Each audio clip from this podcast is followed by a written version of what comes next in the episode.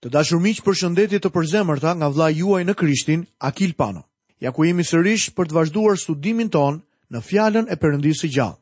Ju kujtoj që sot do të vazhdojmë studimin në kapitullin e 10 në librin e gjyqtarëve. Në këtë kapitull do të shohim dy individë të cilët u bënë gjyqtarët pasues pas Gideonit, Tola dhe Jairi.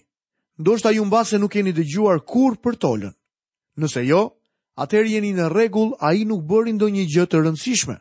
Lexojmë menjëherë në kapitullin e 10 nga vargu i parë dhe i dytë. Pas Abimelekut doli për të shpëtuar Izraelin Tola, bir i Puahut, biri i Dodit, njeri i Isakarit. Ai banonte në Shamir në krahinën malore të Efraimit. Qe gjyqtar i Izraelit për 23 vjet me radhë, pastaj vdiq dhe e varrosën në Shamir. Pyetja që shtrohet menjëherë pas këtyre vargjeve të para të kapitullit të dhjetë të gjyqtarëve është, çfarë bëri Tola? Ai vdiq dhe u varros në Shamir. Për të nuk është regjistruar asnjë arritje. Edhe pse ishte një gjyqtar në Izrael për 23 vjet, Për veprat e këtij njeriu nuk përmendet asgjë. Gjithçka që na jepet këtu është ajo çfarë është shkruar në një gur varri. Lindi dhe vdiq.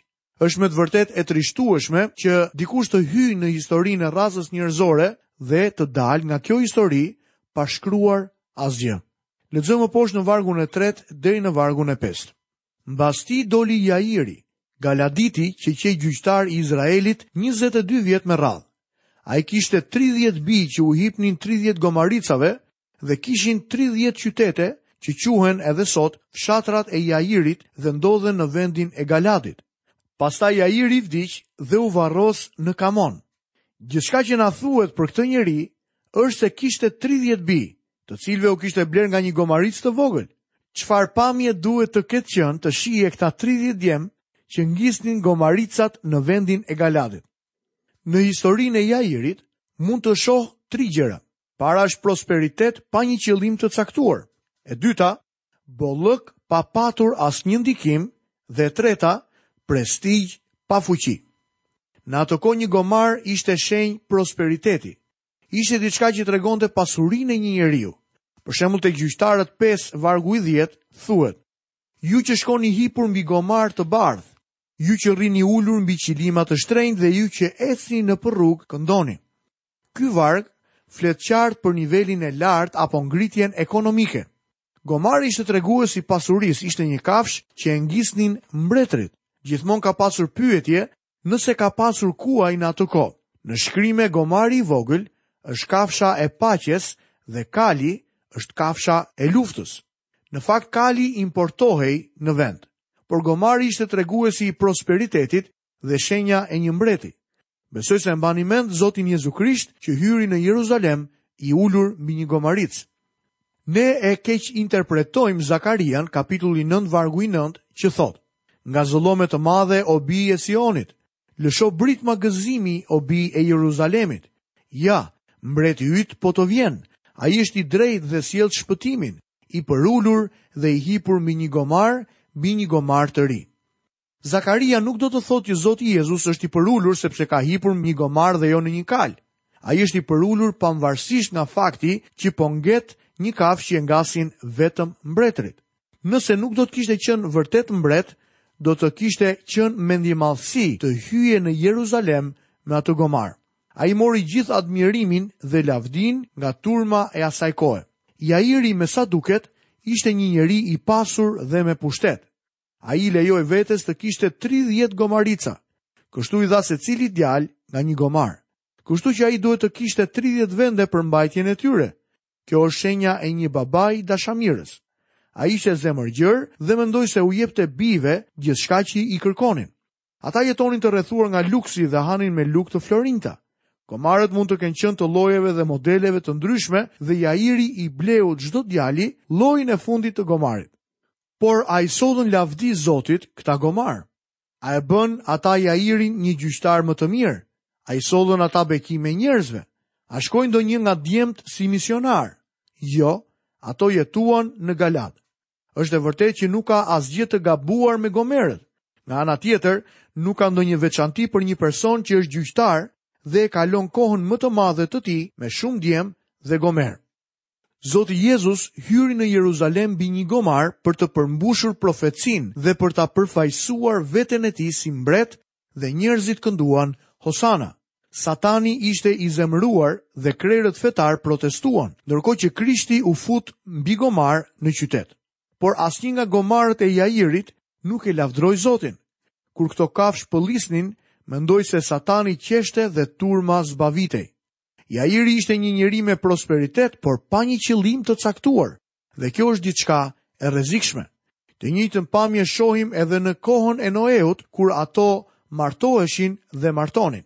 E njëjta gjë tregohet edhe në historinë e Solomonit që dërgonte anije për të marrë majmunë për zbavitje dhe pallonj për bukuri. Vite më parë, një klasë në një shkollë në Washington doli me moton. Vrulli pa një qëllim të caktuar është i kotë. Ndoshta nuk është një moto e jashtëzakonshme, por shpreh gjendjen e ditëve të sotme. Mund t'ju pyes se cili është qëllimi i jetës suaj. A është i kotë? I paqëllimtë? A keni zbuluar që jeta është e mërzitshme? Hamleti i Shakespeare-it thotë: Sa bajate, Monotone dhe e paleverdishme më duket kjo botë. Ajo çfarë kemi nevojë është drejtimi dhe dimensioni në jetën tonë. Ne kemi nevojë për një kauzë, kauzën e Jezu Krishtit, që është ende sfida më e madhe që mund të ketë një njeri. Jairi i vjetër ishte gjyqtar apo jo? Ditët e Jairit u karakterizuan nga prestigji pa fuqi. Ai ishte një njeri i jashtëzakonshëm në komunitet. Me shumë mundësi policët e trafikut ndoshta nuk i vunë kurrë asnjë gjobë bijve të tij. Por vargu i pestë nuk flet për një monument për Jairin. Ai u varros në një vend të panjohur. Ai nuk kreu kurrë asnjë akt të spikatur. Ai nuk bëri një punë të vlefshme. Ai nuk korri asnjë fitore.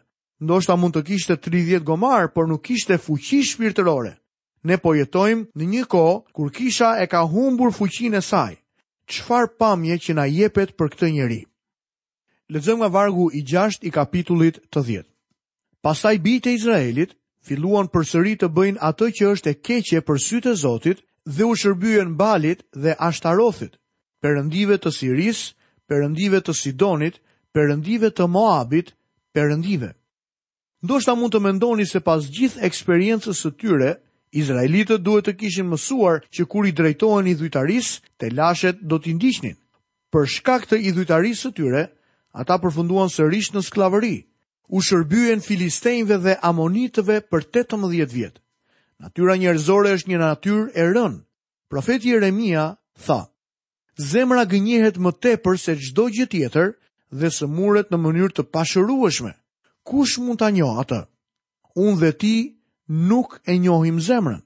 Është mjaft e lehtë për ne të drejtojmë gishtin tonë tek këta njerëz që jetuan rreth 1000 vjet përpara Krishtit dhe të themi: Vepruat gabim, sesa të shohim atë çfarë po bëjmë ne vetë gabim. Çfarë po bëjmë sot meqenëse ra fjala? Mund t'ju them se në ditët e sotme po ndodh një braktisje e madhe e kishës. Natyra njerëzore është e tillë dhe ne jetojmë në një komb me probleme. Ne kemi provuar çdo metodë, skemë politike dhe parti, por asnjëra prej tyre nuk ka funksionuar. Ku qëndron gabimi? Ne i jemi drejtuar vendit të gabuar për ndihmë. Vetëm kthimi tek Perëndia do të na çojë në rrugën e duhur. E di që kjo ndoshta mund të tingëllojë disi jashtë mode, por kështu tingëllonte edhe një mijë vjet përpara ardhjes së Krishtit. Izraelitët u kthyen tek perënditë e tjera, refuzuan t'i shërbenin Zotit të gjallë dhe shikoni se çfarë ndodhi. Lexojmë vargun e 7. Kështu zemërimi i Zotit kundër Izraelit u ndez dhe ai i dorëzoi në duart e filistenjve dhe në duart e bijve të Amonit. Shumë njerëz mendojnë se Zoti duhet të ketë një kishë të veçantë dhe se Zoti duhet të zgjedhë Amerikën sepse ai është vendi që po dërgon misionarë. Unë po ju them që Perëndia nuk ka nevojë për asnjë nga ne. Ai nuk varet nga ne. Ne varemi nga ai. Me shumë mundësi Izraeli në këtë kohë ka qenë në pikën e tij më të ulët. Gjërat shkonin shumë keq për ta. Shohim vargun e 10. Atëherë bijtë e Izraelit i klithën Zotit duke i thënë, kemi mëkatuar ndaj teje, sepse kemi braktisur Perëndinë tonë dhe i kemi shërbyer Baalit. Më në fund këta njerëz u dëshpëruan aq shumë saqë u kthyen tek Zoti. Këtu shohim të njëjtën histori të vjetër që zhvillohet edhe një herë. Historia po rrotullohet. Ajo rrotullohet ende edhe sot. Çfarë ndodhi më vonë? Lexojmë vargjet 11 deri 16. Zoti u tha bijve të Izraelit, a nuk ju çlirova unë nga egjiptasit, nga amorenjtë, nga bijtë e Amonit dhe nga filistenjtë? Kur ata të Sidonit, amalekitët dhe maonitët, ju shtypnin dhe ju bëtë thirrje, a nuk ju çlirova nga duart e tyre? Megjithatë ju më braktisët dhe u vutë në shërbim të perëndive të tjera. Prandaj unë nuk do t'ju çliroj më. Shkoni pra t'u thërrisni perëndive që keni zgjedhur, le t'ju shpëtojnë ato në këtë kohë të fatkeqësive tuaja. Bijtë e Izraelit i thanë Zotit, kemi mëkatuar, bëna çfarë të duash, por na çliro sot, të lutemi shumë. Atëherë hoqën nga mjedisi i tyre, perënditë e huaja dhe i shërbyen Zotit që u trishtua për vuajtjet e Izraelit. Sa i mëshirshëm që është Perëndia! Lexojmë vargjet 17 dhe 18. Pastaj bijtë e Amonit u mblodhën dhe ngritën kampin e tyre në Galaad dhe bijtë e Izraelit u mblodhën dhe ngritën kampin e tyre në Mitspa. Populli, domethënë princat e Galaadit, i thanë njëri-tjetrit: Kush do të jetë njeriu që do të fillojë të luftojë kundër bijve të Amonit? Ai do të jetë kreu i të gjithë banorëve të Galadit. Izraelitëve në këtë kohë u mungonin udhëheqësit. Kjo është gjithmonë karakteristika e njeriut ose e një brezi që është larguar nga Zoti. Mungesa e udhëheqësisë e ka karakterizuar botën në dhjetëvjeçarët e fundit. Në fakt, në të gjithë botën ka pasur një mungesë udhëheqësie për shumë vjet. Ne kemi nevojë për një udhëheqës vital, por ja që nuk e gjejmë dot. Kjo ishte eksperienca e Izraelit. Tani ata do t'i drejtohen për drejtim një njeriu të pazakontë. Në rrethana krejt normale, ata nuk kishin për të shkuar fare tek ai. Këtu përfundojmë studimin e kapitullit të 10 dhe fillojmë studimin në kapitullin e 11 në librin e gjyqtarëve. Tema e këtij kapitulli është Jefteu, gjyqtari i nëntë dhe zotimi i tij i pamenduar. Lexojmë në vargun e parë. Jefteu Galaditi ishte një njeri i fortë dhe trim, bir i një prostitute dhe i Galadit. Dua t'ju tërheq vëmendjen duke ju thënë se ai është një udhëheqës i jashtëzakonshëm, por ka këtë njollë të zezë që e ndjek si hije kudo që shkon. Ai është djalë i paligjshëm, bir i një prostitute. Lexojmë vargun e dytë. Bashkëshortja e Galadit lindi bij të tjerë. Kur bijtë e gruas së tij arritën në moshën madhore, ata e dëbuan Jefteun dhe i thanë, ti nuk do të kesh trashëgimi në shtëpinë e atit tonë, sepse je biri i një gruaje tjetër. Në librin e Proverbave, kapitulli i dytë, vargu i 16, flitet për gruan e huaj, nga e cila duhet të ruhet djali, sepse prostitutat ishin të huaja. Jozefusi na tregon se gruaja e Galadit ishte pagane.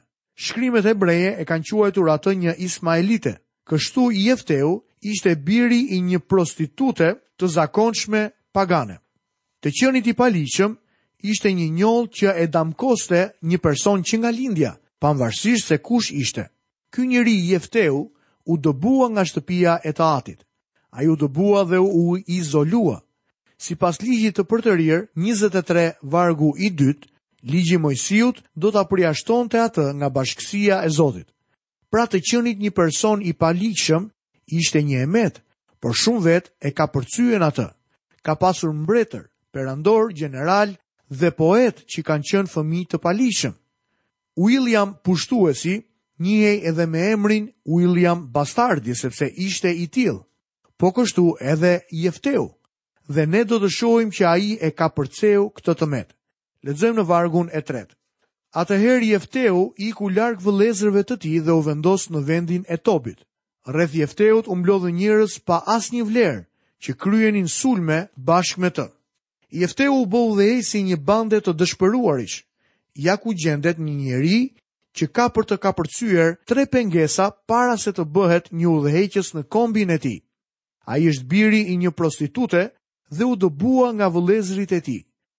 Ai është udhëheqësi i një grupi të përçmuar dhe të refuzuar. Ai nuk është ndonjë njeri me vlerë për t'u përdorur, por Perëndia përdor njerëz të tillë. Perëndia lëviz në rrugë të mistershme dhe zgjedh njerëz që janë të përçmuar në këtë botë.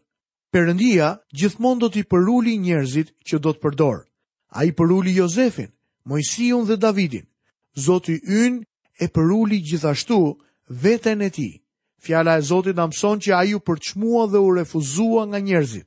Ai është guri që ndërtuesit e hodhën poshtë, por që u bë guri i qoshes.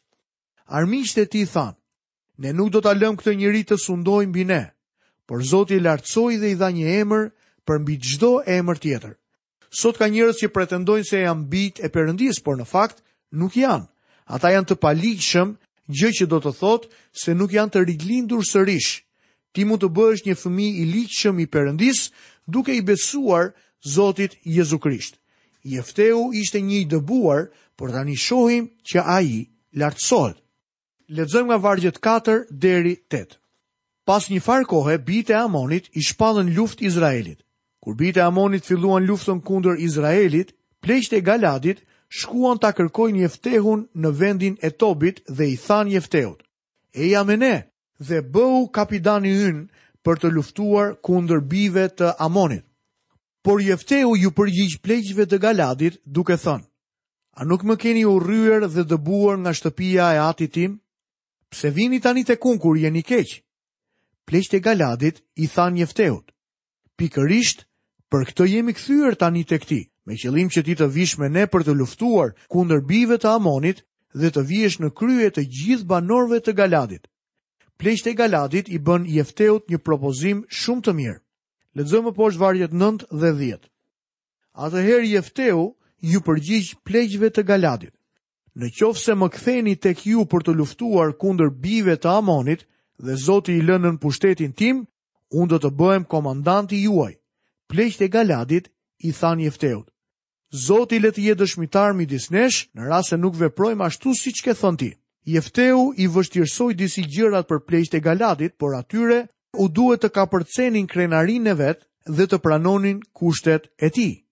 Ishte poshtëruese për kombin t'i drejtohej këtij njeriu të cilin në fillim e kishin dëbuar. Ai u thotë mjaft qartë se nëse do të bëhet gjyqtar dhe do t'i çlirojë, atëherë ai do të sundojë mbi ta. Ai do të ketë përgjegjësi për të gjitha gjërat. Lexojmë vargjet 11 dhe 12. Pastaj Jefteu shkoi tek pleqtë e Galadit dhe populli e zgjodhi komandant dhe udhëheqës të tij, dhe Jefteu përsëriti përpara Zotit në Micpah tërë fjalët që pati thënë më parë. Pastaj Jefteu i dërgoi lajmëtarë mbretit të bijve të Amonit për t'i thënë, Çfarë ka midis teje dhe meje, që ti të vish e të bësh luftë në vendin tim? Nëse do të lexoni vargjet që vijojnë, do të shihni se Jefteu jep një përshkrim të zgjeruar për ardhjen e amonitëve në vend. Ai u thotë se vendi u përket izraelitëve që e fituan atë në një mënyrë të ligjshme. Amonitët po përpiqeshin jo vetëm t'i nxirrnin izraelitët jashtë vendit, por edhe t'i asgjësonin fare. E njëjta gjë po ndodh sot në kombin e Izraelit, veçanërisht që prej vitit 49 kur Izraeli u bë sërish një komb, armiqt ishin përpjekur t'i nxirrin jashtë vendit, t'i zhduknin dhe t'i hidhnin në det. Ne nuk do ta kalojmë së bashku këtë pjesë, por do të doja t'ju inkurajoja ta lexonit për arsyen e thjeshtë se Jefteu skicon një bazë shumë të ndjeshme për zotërimin e tokës nga izraelitët. Ata kishin të drejtë ta bënin këtë gjë. Të dashur miq, këtu kemi përfunduar edhe studimin tonë në kapitullin e 10 në librin e gjyqtarëve. Së bashku me këtë kapitull do të përfundojmë dhe emisionin e sotëm për të vazhduar studimin tonë në emisionin e ardhshëm në kapitullin e 11 në librin e gjyqtarëve. Deri atëherë, nga vëllai juaj në Krishtin Akil Pano, paçi të gjitha bekimet e Perëndisë dhe paqen e tij që tejkalon kufijtë e mendimeve tona njerëzore në jetën tuaj. Bashkë mirudëgjofshim.